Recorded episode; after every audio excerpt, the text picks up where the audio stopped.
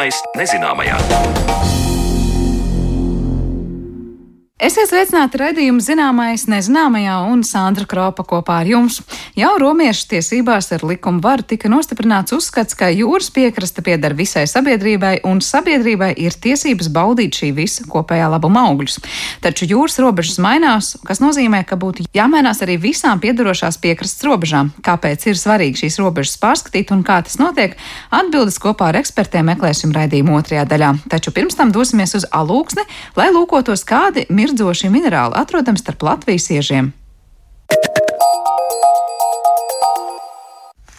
Latvijas iežos nevar atrast diamantus vai ahātus, taču arī mūsu dolomītos, kaļķekmens un ģipšakmens ieslēgumos ir ieslēgti pārsteidzoši skaisti minerāli. Kādi dārgumi ir apslēpti Latvijas iežos un kāds ir process, lai tiem tiktu klāts, stāstīs vidas zinātnieks Aldis Verners. Es skatos uz to selenītu, kas izskatās tā kā tāds dūmakains stikls un lasu salas pilī. Tāds ir atrasts. Viens ir tādā iepelēkā krāsā, otrs tāds ķieģeļsarkans. Nedaudz. Jā, nu, tas ir ģipša minerāls, ģipša kristāla hidrāts.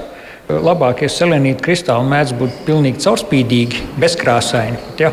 Nu, un, to oranžoja, kas mums ir dzeltenīgi oranžs, tāds mazliet tas kā dzelzs jau klātbūt izveido arī selenītam šo krāsu. Selenīta gabaliņas, tās josliņas ir iekšā ģipšakmens slāņos. Pie salaspils tur ir tās ģipšakmens karjeras, kur ģips iegūst vācu firma Knau. Nu, no špata ģipša ražo būvmateriālus un no selenīta medicīnisko ģipsi. Jā, bet šeit es redzu to visu pirmotnējo, un, un, un te vispār to dabas skaistumu tikai var apjaust. Tā no dabas paņemts. Jā. Miljoniem gadu veidojies. Jā, mēs vienmēr sakām, mūžības elpa klāt šīm minerālu paraugiem.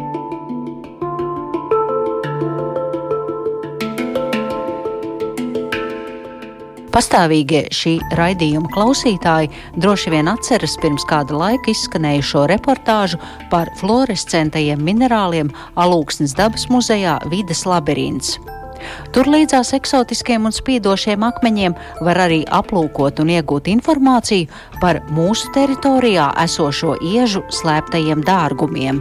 Un ar vārdu dārgums te domāju dažādu minerālu ģeoloģiskās un vizuālās īpašības. Rubīni, safīri vai diamanti mūsu iežos nav sastopami, taču arī dolomītā, kas Latvijā ir ļoti izplatīts nogulu miežu sastāvā, ir atrodami interesanti un skaisti akmeņi. Par tiem turpina stāstīt muzeja veidotājs, vidas zinātnieks Aldis Werners. Latvijas virsējo zemes kārtu sedz ledāji veidotie nogulumi. Līdz ar to Šajos nogulumos tāda atsevišķa minerāla iegula faktiski reāli virzemē nu, vai nedziļā virzemē faktiski nav. Ja vairāk mums ir tādi vienkāršie smiltis, grāmatas, māli. Ir vietas, kur ir um, kaļķakmeņa ieguls, un um, pamatā jau lielākais resurs mums ir dolomīts. Lai gan arī Salaspils apkārtnē ir arī ģipša slāņi, ģipšakmens slāņi. Ja. Bet šeit stendā te ir, kā saka, visi tie Latvijas dārgakmeņi, nekorekti izsakos, bet tie minerāli ir izcelti. Un te mēs varam tikai brīnīties par mūsu zemes bagātībām. Te ir kalcīts, biotīts, kvarts, pirīts, selenīts. Un es skatos uz dažne dažādu formu, struktūru, akmeņiem, kuri Daži matēti, daži mirdz un laistās, daži kā stalaktīti izskatās māksla dabā. Jā, nu jūs pieminējāt dārgakmeņu kategoriju. Nu, tas ir juvelieru vērtējums. Ja? Tādi īstie dārgakmeņi, kas ir tikai četri pēc jūlijā vērtējuma, faktiski reāli Latvijā tikai eh, sapnis par to atrašanu. Pagaidām vēl Latvijā var jau būt, ka kaut kur kādreiz mums arī daba kaut ko uzdāvinās, bet tāda kā pusdārgakmeņa kategorijas minerāli tāda Latvijā ir. Nu, mūsu Latvijas nu, nacionālais simbols dzintars. Nu, dzintars būtībā nav īsts minerāls, viņš ir mineraloīds, ja, tāpēc, tas ir veidojies nu, no organiskajām vielām, tām pārakmeņojoties. Nu, īstais minerāls ir jašma. Tā, es skatos uz tādu mežģīnainiem rakstiem. Iekšā jašmas pie mums atrodams eh, dažādās krāsās. Eh, vairumā ir eh, brūni tonētie minerāli ar gaišām joslām iekšā, ar sarkanām joslām iekšā. Lai gan esam arī Cēlonas pusē savā laikā atraduši ļoti daudz krāsainu jašmas gabalu. Pirmie jašmas gabali tika atrasts Trankas pagastā 2006. gadā. Ar to varētu teikt, sākās šī minerāla atradumi Latvijas teritorijā.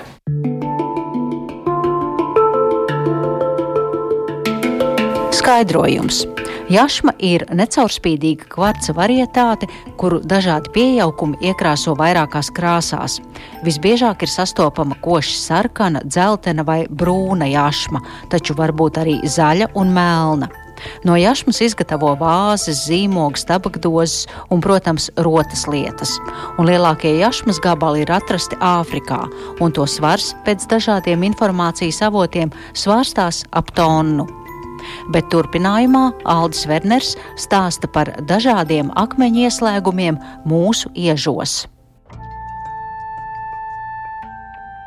Nu, man tāds kāpēcīgs jautājums. Es skatos šeit uz šiem, nu, kā jau teicu, dārgakmeņiem, bet varbūt vienkārši es to lietoju nezinātniski, bet tēlaini, lai klausītājiem ļautu apjaust to, cik tie ir skaisti ka ikdienā tos mēs neredzam tādus.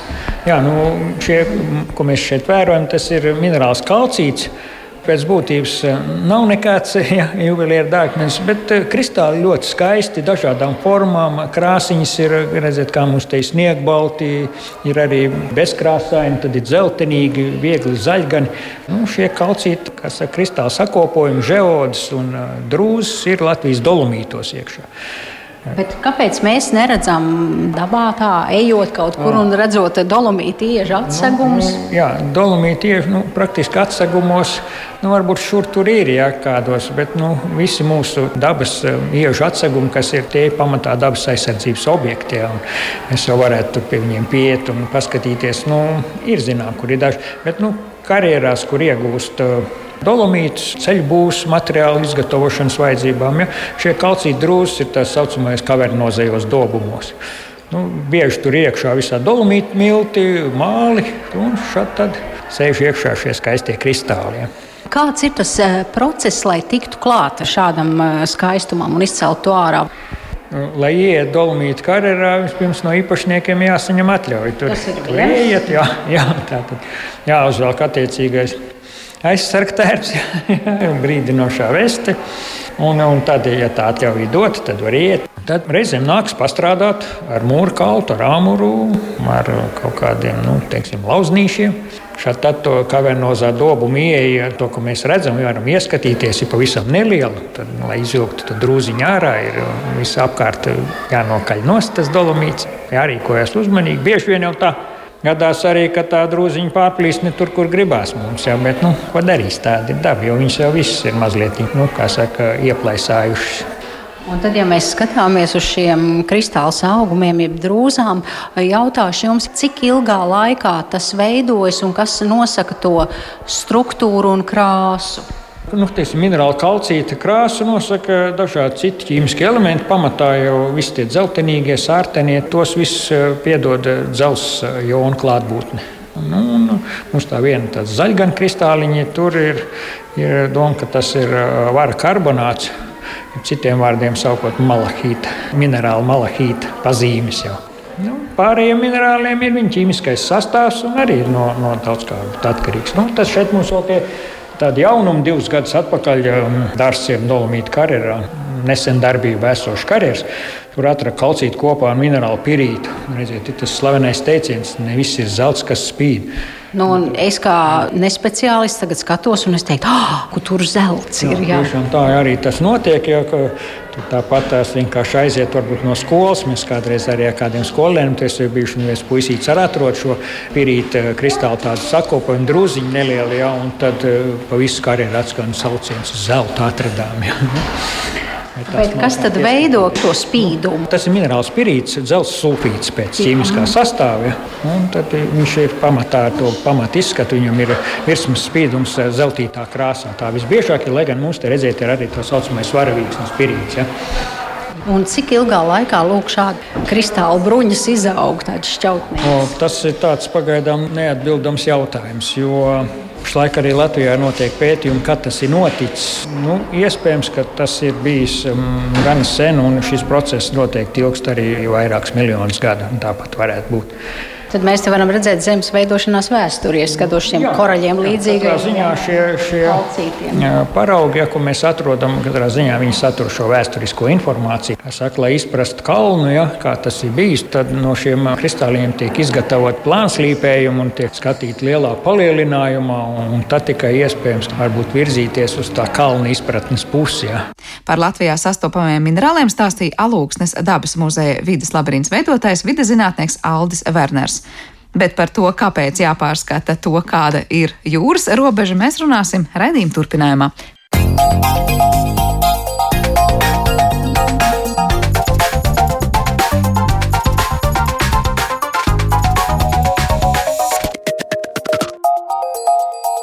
Zināmais nezināmajā.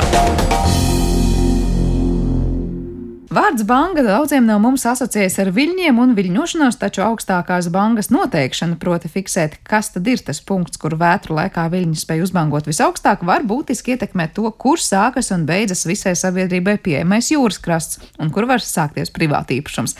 Tā kā jūras krasts mainās, būtu jāmainās arī šīm robežām. Par to tad arī runāsim raidījumu atlikušajā daļā, jo mūsu studijā ir Latvijas Universitātes Geogrāfijas un Zemezinātņu fakultātes docents ģeoloģijas zinātņu doktors Jānis Lapinskis, Rīgas juridiskās augstskolas pasniedzēja Eiropas Savienības vidas tiesībās tiesības zinātņu doktora Žaneta Mikosa un biedrības Baltijas krasti valdes priekšsēdētāja, arī ekonomikas zinātņu doktora Līga Brūniņa. Vispirms par to, kas īsti ir tā augstākā jūras banga. Nu, ne, neticu, ka daudziem cilvēkiem ikdienā bieži lietots pat īstenībā arī termins. Ko ir to saprot vispirms dabas zinātnēs? Dabas zinātnēs būtu vispirms jāsāk ar to, ko saprot ar jūras krastu. Un tā tad tā augstākā banga vai tā vieta, līdz kurai augstākā banga varētu aizsniegties, būtu viena no robežām šajā jūras krasta visā sarežģītajā vidē. Tātad jūras krasts pirmkārt un galvenokārt ir ļoti mainīga vide, ļoti mainīga vieta, un tā nekādā gadījumā nav līnija vai strīpa kartē vai tam līdzīga. Tā vienmēr būs kaut kāda josla, kurā pastāv ļoti dažādi un mainīgi tie apstākļi. Jā, un augstākā banga būtu, pieņemsim, tāds ļoti stiprs vētras, ļoti augsts vilnis, kurš var uzskaloties kaut kur stipri augstu, varbūt pat krietni pāri tām pirmajām kāpiņām, kas ir jūras krastā redzamas un kura nu, tā ļoti nosacīti iezīmē kaut kādu robežu, protams, neredzamu, fiziski neredzamu dabā robežu, bet tādu, kas it kā nošķir jūras krastu no sauszemes parastās. Tā būtu tāda dabas zinātnē izpratne. Man uzreiz pirmais liekas, nu kā kurā vētrā, kā kurā laikā, Tieši kā tā. kurā gadā, cik ļoti plūstošs tas tā definējums. Tā ir tā galvenā problēma. galvenā problēma. Tā ir ļoti mainīga Tā vieta patiešām nav vienkārši definējama. Un tas, tas arī ir galvenais patiesībā, kāpēc viss šis ir sākts un kāpēc tas nav izdarīts jau sen. Jā, par to situāciju, kā tā ir arī parunāsim. Vispirms ar Žanetē jautāšu, kā no juridiskā skatu punkta skatoties, nu, līdzīgi kā Jānis definē, kas tad ir krasts, vai līdzīgi ir arī juristiem pateiks, tur ir krasts un tur vairs nav krasta. Nu, patiesībā no juridiskā viedokļa pirms jāsaprot, kādēļ vispār ir mums vajadzīgs definēt kaut ko, un vai ir vajadzīgs, un tad, kas, kāds ir tas galvenais mērķis. Jo, principā, nu, jebkuru terminu jurists definē un ieliek to saturu tādā likumā konkrētajā, un tad mēs tā viņu lietojam vismaz tā likuma piemērošanas gadījumos, konkrēto definējumu. Un šeit arī, kāpēc par to augstāko banku ir svarīgi, kāpēc mēs vispār to diskutējam un mēģinām viņu meklēt, varbūt jau kādu laiku, vai mēģin, mēģin, mēģinās saprast ar metodiku, kā to un vai to var noteikt. Tad kādēļ tas ir svarīgi? Jo nu, civil likums principā nosaka, ka jūras piekraste pieder valstī kā publiskie ūdeņi līdz vietai, kuru sasniedz augstākā banka. Un tas nozīmē, ka principā civil likums ir izmantojis šo uh, augstākās bangas terminu kā robežu vai atskaites punktu, līdz kuram valstī pieder šis publiskais īpašums, publiskais, publiskais ūdens šajā gadījumā. Tas nu, tiek uzskatīts. Uh, krasts tiek uzskatīts šajā gadījumā kā tāda jūras sastāvdaļa, nevis sauszemes sastāvdaļa, kas ir būtiski, jo, jo uz to, uz jūru un krastu attiecās specifiski uh, vispārējie principi, kam tas var vispār piederēt. Un te es patiesībā arī gribētu sākt ar šo, šo principu. Drusku ieskicēšanu vai nu, pastāstīšanu par tiem, lai saprastu tālākā diskusijā, kādēļ mēs runājam privātajam kādalam, vai var piederēt privātajam krasts un jūra, un, vai, vai kādēļ nē, un no kurienes tas izriet. Ja? Un tas tiešām balstās um, jau vispārējos principos, kas nāk no romiešu tiesībām attiecībā uz jūru un tās krasta piedarību, un kas patiesībā mūsdienās ir visā kontinentālā Eiropā uh, pazīstams princips, uz ko balstās arī uh, lietu klasifikācija privātajās un publiskajās tiesībās. Un tas tas saucamais, uh, kas latīniski saucās, jo no romiešu tiesībām ir ieskam unis omneum, kas ir sabiedrības kopīga lieta. Un romiešu tiesībās, un tagad arī lielākā daļā kontinentālā Eiropā, vai pat visā, varētu teikt, ka šie um, ir dabas resursi, kas tiek noteikti par sabiedrības kopīgu lietu. Un, uh, un uz tiem attiecās, vis, uh, nevis tiem, bet tie ir vismaz uh, jūra un jūras krasts, tekoši ūdeņi un gaiss. Principā šie ir dabas resursi, kas klasiski bija romiešu tiesībās un klasiski atzīst tiek mūsdienās, ka tā ir tie, tie sabiedrības kopīgā lieta. Ko tas nozīmē, ka neviens no sabiedrības pārstāvjiem nedrīkst at, tikt atstumts no to baudīšanas, tas, no to labumu baudīšanas. Un uz to balstās principi par uh, sabiedrības tiesībām uz publisko pieejamību šim resursam. Uh, un, un publisku lietošanu. Nu, tieši tāpēc mēs varam staigāt pa pludmali, un mums neviens nevar teikt, tas ir mans privāti īpašums, tu šeit atrasties nedrīkst. Jā, bet... tieši tā, tā bet nu, tie, tieši tāpēc, ka uh, uz šo principu pamata balstās šis, uh, šis formulējums civillikumā, ka tas pieder valstī. Patiesībā lielākā daļa valstu pat neteiktu, ka tas pieder kādam. Uh, Drīzāk tas nav kā, uh, publisks, kas, kas nav kā īpašuma objekts vispār, jo tas ir kopīga lieta. Ko tas nozīmē? Tas nav īpašums arī valstī, tas nav īpašums uh, nevienam individuāli, lai, ne, lai nepastāvētu ekskluzīvā tiesība kādam uz šo resursu, kas ir kopīgs sabiedrības resurs. Tā ir tā galvenā. Bet tas sanāk, ka liedaks kā tāds, ko mēs iedomājamies jūras krastā, vienmēr būs tajā pusē, kur tā banka vēl trāpīs. Noteikti. Jā, tā pilnīgi noteikti būs lieta, kas piekrīt vēl šeit jūras pusē, pie publiskajiem ūdeņiem. Pludmale viennozīmīgi. Tad jautājums vairāk ir par to uzreiz aiz, aiz tās liedaga līnijas. Ja, kas... Jā, bet varbūt varētu komentēt, ka iedzīvotāji mēdz jaukt krasta līniju ar ūdens līniju. Un ja visiem ir skaidrs, ka ūdeņi ir publiski, tas tā kā ir pieņemts un saprasts, bet ja mēs runājam par krastu, tad viņiem šķiet, ka krasts ir ūdens līnija. Un tad tur, kur viņi redz tajā dienā sākoties sauzemē, ka tā tad ir šī jau it kā sauszemes daļa. Un varbūt tas ir tas lielākais arī neskaidrību nu, avots. Ja, uh, cēlons, kas veicina šo neizpratni, ka krasts nav ūdens līnija, bet tas ir tur, kur beidzās. Nu, labi, to ir, bet es varbūt nokomentēšu, kāpēc varbūt bieži jauc, jo attiecībā uz ezeriem un ūdeņiem Latvijas likumi, civillikums arī tiešām izmanto šo ūdens līniju. À, ja? Tur nav tā. Kā... Jā, tur nav augstākā banka vai tam līdzīgi. Tur ir tieši tā ūdens līnija, vai, ja ir korija, ir stāvkras, tad varbūt arī šī koras mala. Bet principā ūdens līnija. Bet tas atšķirās jā, no, no 30, 20, 30 gadiem un pēc tam arī 90. gados atšķirās attiecībā uz jūras un jūras krastu, kur lieto šo augstāko bangu. Un arī jau 20. gados augstākie viļņi tika lietot terminā, pat vēl kamēr nebija civilikums. Kā tas nāk, viņas, tur, kur stāvkrasts, piemēram, tad nāk tieši tā stāvkrasta robeža jau var būt privāta īpašums. Mm, stāvkrasta pašai nogāzei nevajadzētu būt privāta īpašumā. Ja? Tātad eh, kādreiz ir bijis izmantots praksēs, tā saprot, ir tiks lietots, ka stāvkrasta kranti var, uh, nu, ir, ir pieņemts lietot kā, līdz krantī. Jā, jā, līdz krantī, bet ne stāvkrasta nogāzi, ne to daļu, kas tātad nu, būs kontaktā ar pludmali. Bet tas arī tā loģikā iederās, jo augstākā banka nu, tad neaizsniedzās līdz tai, nu, mums tur būs tas, pēc tam diskutēsim droši vien metodikā, jau kas ir tie metri, kur, tad, kur tiks uzskatīti un tam līdzīgi. Tieši gribēju, vai... tas tiešām par metodiku. Jā, teikt, jo līga tikko teica, ka it kā no vienas puses tas cēlonis tur nesaskaidrībām ir tas, ka viens uzskata, ka tagad es līdz ūdenim mērīšu savu īpašumu, cits saka, nē, no ūdens vai no smiltīm, bet turpinājums varētu pateikt, liedaks vienmēr ir un paliek jūras daļa. Bet kas notiek tajos gadījumos, ka tā banga vienu gadu būs spēcīgāka un otru gadu mazāk spēcīga? Vai tad katru gadu mums mainās tā robeža? Es varbūt nokomentēšu no juridiskā viedokļa, jo svarīgākais ir, nu, valsts ir pateikusi, Kā, kas ir tas valsts īpašums vai publiskie ūdeņi līdz šai robežai, tad valstī ir pienākums noteikt, kur šī robeža ir novelkama. Patiesībā, paskatoties citu valstu pieredzi, lai kādu izmantotu metodi, pieņem valsts līmenī lēmumu. Vai tas ir atkarīgs no valsts uz valsts, vai tas ir parlaments, vai tā ir valdība, atkarīgs no kādas kompetences, kādu mm, parlaments piešķir kuram. Ja? Un nosakot šo robežu, tad tā ir šī administratīva noteiktā robeža, kas ir demarkācijas līnija, kad šeit ir tā robeža. Un tad valsts arī nosaka, cik ilgā termiņā vai ar kādiem nosacījumiem vai kādos gadījumos tiek pārskatīta šī robeža. Tas ir nu, juridiski definējams, kaut arī dabaszinātnieki teiks, nu nevar jau tādu svītru novilkt, nē, ne, nevar.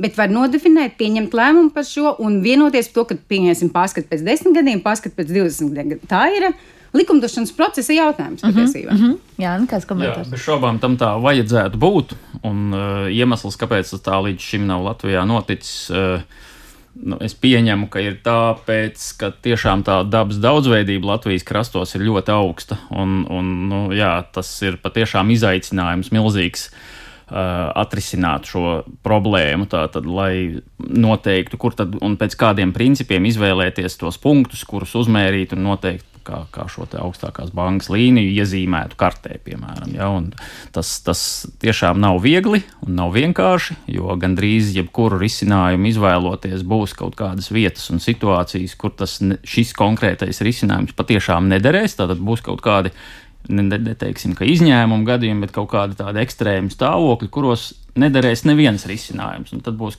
nepieciešama kompromisa. Bet tie žanets piesauktie, piemēram, desmit gadi, kuru laikā pārskata no krasta mainības robežas. Tas ir kā, nu, piemērots laiks, vai tas būtu jādara biežāk, vai, vai kā?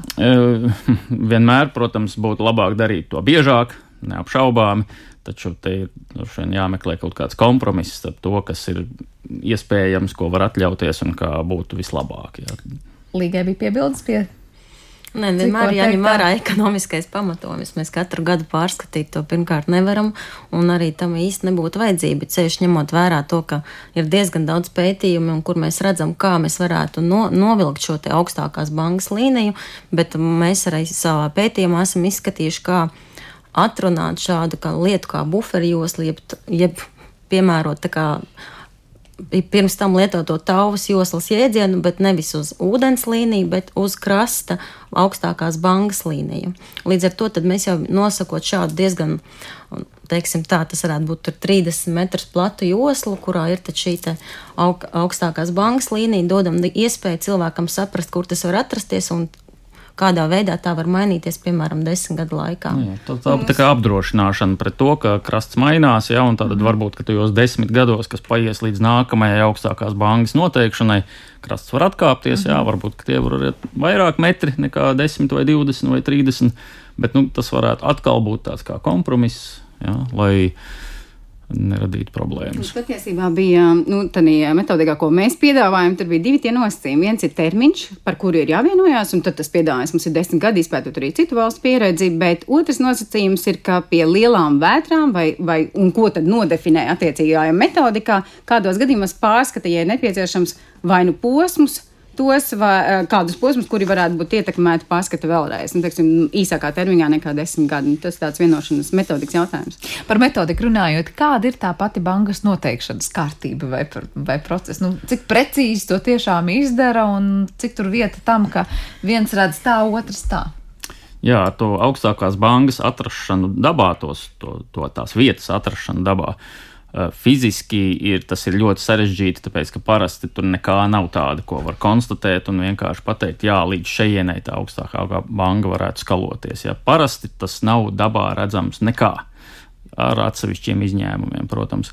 Tāpēc vienmēr ir jāmeklē kaut kāds tāds risinājums, lai mm, nu, ņemtu vērā tos dabas procesus, visus, kas nosaka to, cik tālu tā augstā banka varētu uzskaloties, bet kas nav fiziski uzmērāmi. Ja? Un, un tas variants, ko mēs piedāvājām, kā šo te, nu, kompromisu, principā jā, tas būtu augstums. Augstums ir jūras līmeņa, tātad kaut kāda noteikta reljefa augstuma, kur sasniedz ja, kāpa vai jebkas tur krastā ir.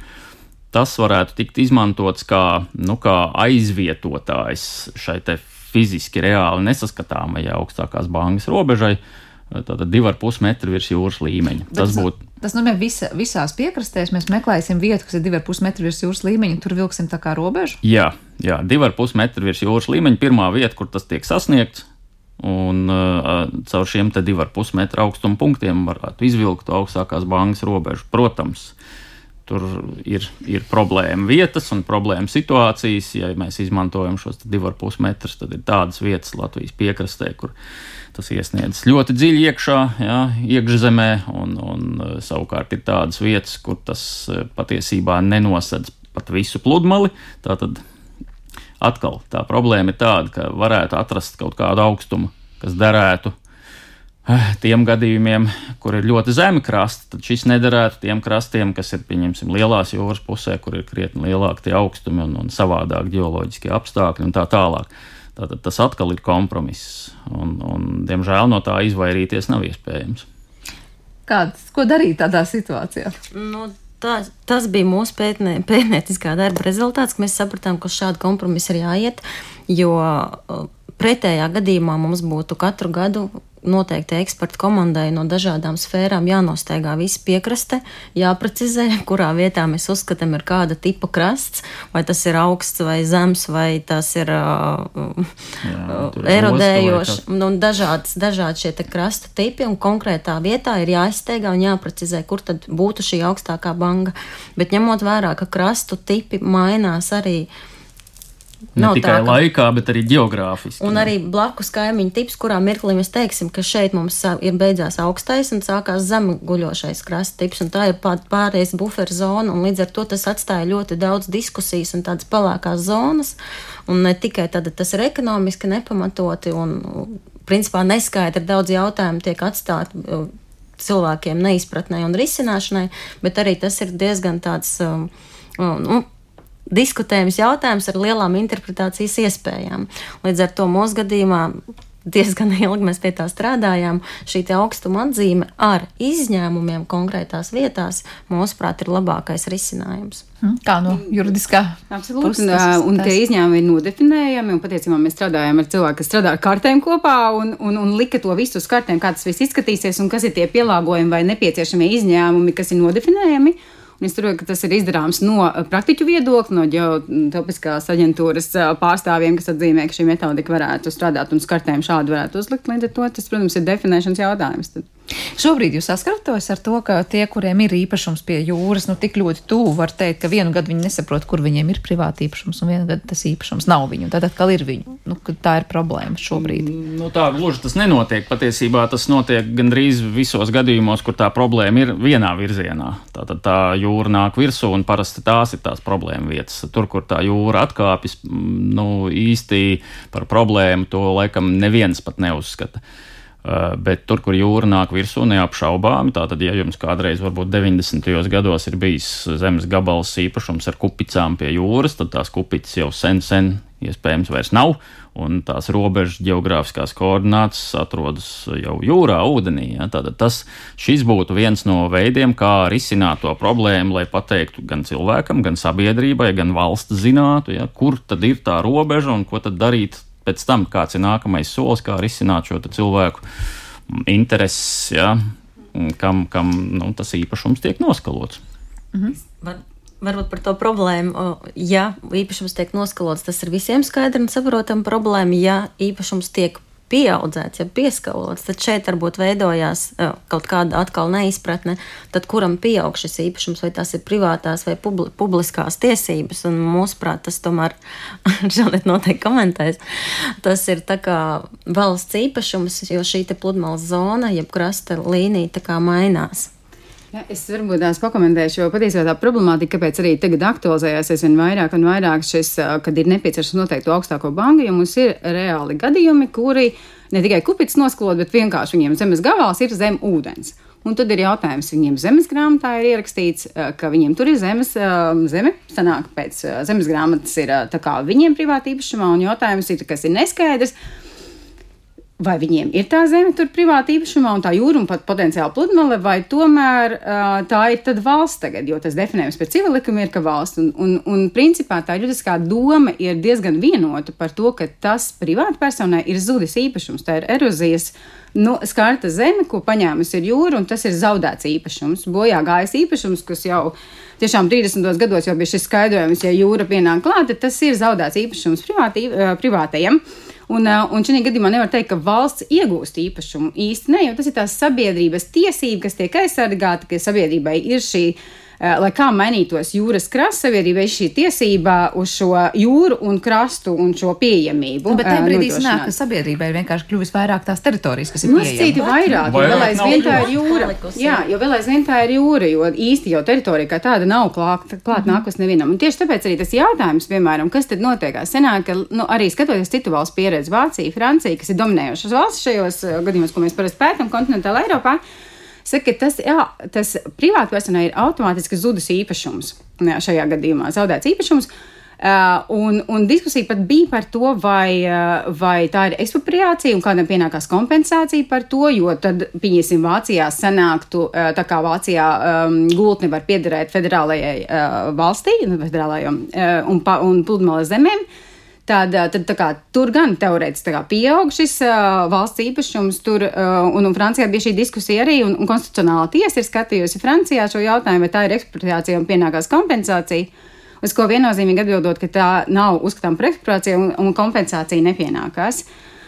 Um, jā, nu, par to kompensācijas tieši pirms jūs sākāt runāt. Tomēr, nu, interesanti, kas notiek. Nu, iedomājamies, man ir īpašums tagad, un pēkšņi, nu, ne manas vainas dēļ viņš vienkārši pazūd. Jā, bet tas ir dabas tas paņemts ir dabas process, paņemts jā. process, un tur un patiesībā izņēmums, ap citu arī Vācijā. Vācijā tieši tas pats, ko mēs visvairāk skatāmies, ka automātiski dod šis īp- īpaš- īp- īpašums, ja dabas procesu rezultātā tas ir zaudēts. Izņemot, ja ir mākslīgi radīts šīs izmaiņas, kas nozīmē regulējot, apūdeņojot, tur iztaisnot upes vai vēl kaut ko darot, nezinu, nu, piemēram, mākslīgi redot, tad tur var būt runa par zaudējumu atlīdzināšanu attiecīgajiem īpašniekiem. Vienīgie gadījumi, bet tādi tiesas spriedumos vēl nav, kur būtu kompensācija, ja ir mākslīgi eh, nosklota šī eh, zeme, eh, jūras gadījumā, upēs ir potenciāli tā, nu, jā.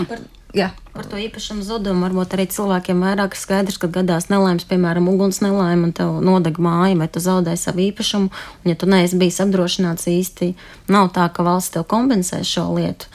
Tas ir līdzīgs process. Kaut kādā mērā, jā, laikam tikai psiholoģiski ļoti grūti iedomāties, ka tev fiziski tā zeme zem kājām ir pazudusi. Ja? Nu, piemēram, tagad tā ir tas jūra. parasti notiek tā lēnām un Tas, pakāpeniski. tas, lai nenoņemtu Nevis vienā katastrofālā notikumā, tāpēc to ir grūtāk droši vien pieņemt, ka tas ir kaut kas tiešām līdzīgs ugunsgrēkam, tikai tādam izsmērētam pa simts gadiem.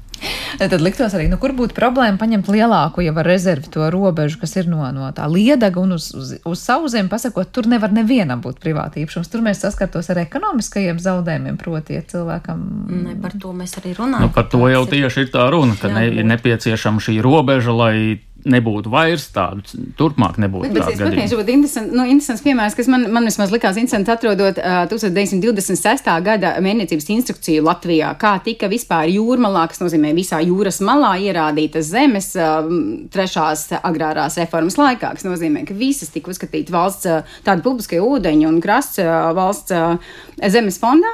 Un kā tika ierādīts. Un šī instrukcija jau tad pateica, ka atkal lietojot šo augstāko tanī gadījumu, tanī laikā vēl augstākie viļņi tika lietoti kā robeža, no tā noskaitot tāvas joslu 20 metri, atzīmējot to un neierādot to kā īpašuma objektu, un tālāk tikai varēja tikt ierādīti īpašumā. Tā kā jau tanos laikos tika rēķinājās ar šo. Jā, uh, jūras mainīgumu.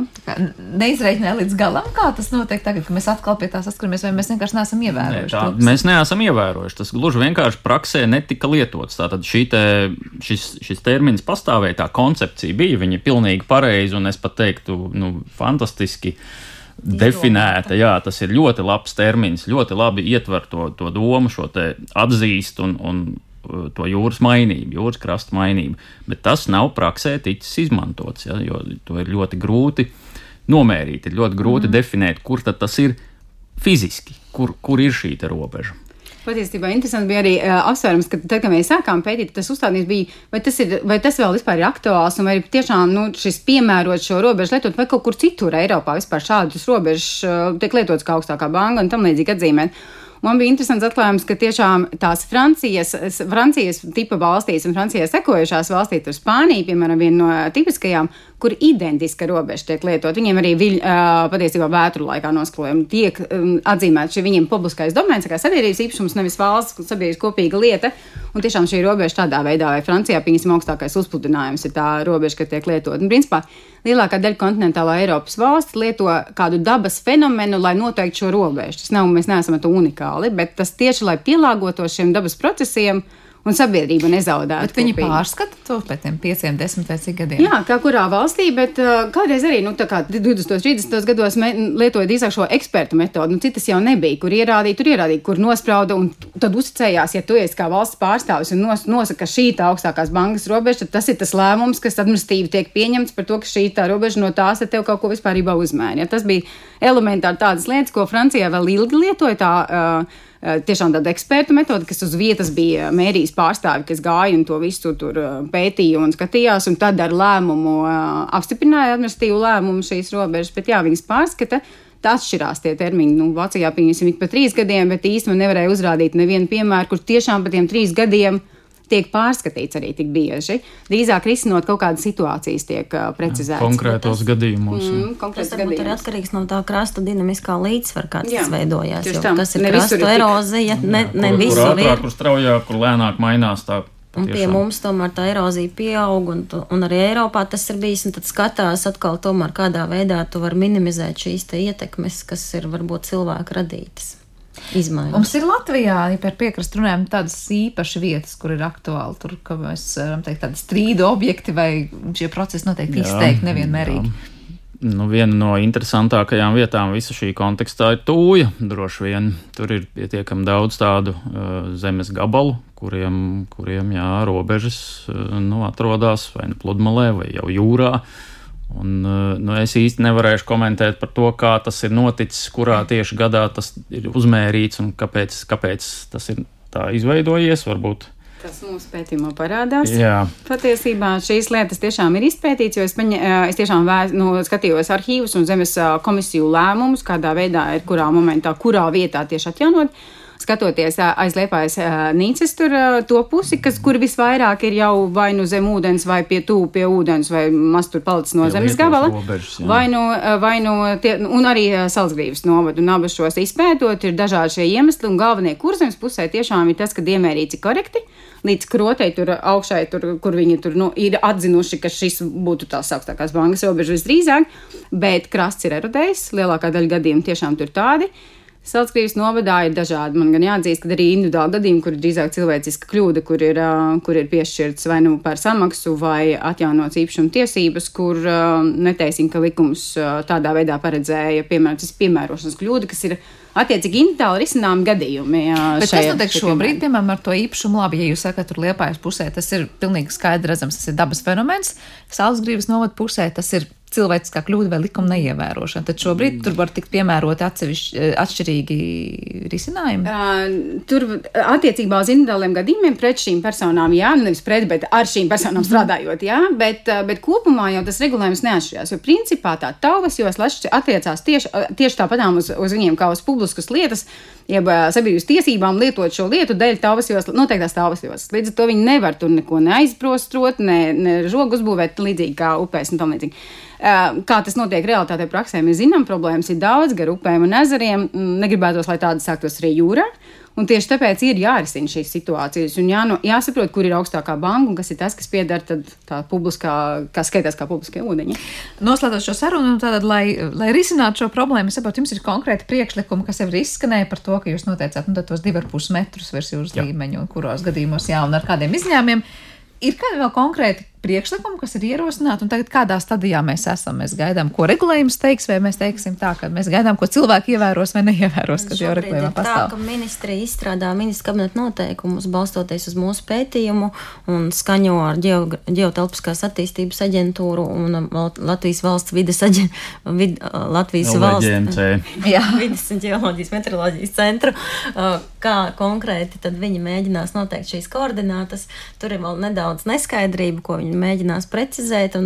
Iespējams, šī gada beigās būs jau ministrs kabineta noteikuma projekts, bet paralēli notiek darbs ar jūras pārvaldības likuma izmaiņām un attiecīgi arī zemes mm, pārvaldību. Mums ir nu, divās daļās jāsadala šis process. Viens ir, kad uh, varamā vidas aizsardzības reģionālās attīstības ministrijai ir jā, jāizstrādā uh, grozījumu likumā, lai, termin, lai tos terminus un visus nodefinētu un dotu šo deleģējumu ministru kabinetam izstrādāt šādu metodiku. Un, attiecīgi, tālāk pēc tam jau valsts zemes dienestam arī iestrādāt šo visu informāciju, informācijas nekustamību īstumu uh, kadastra informācijas sistēmā, lai būtu šī informācija pieejama, kur ir tā robeža. Pie šī notiekās patreiz process. Un, kā, likuma grozījumi ir ierosināti, izsludināt valsts sekretāra sanāksmēs, tā saprot, notiek visas tās attiecīgās konsultācijas un metodika papildus, kas pie, pie kuras arī tiks strādāts.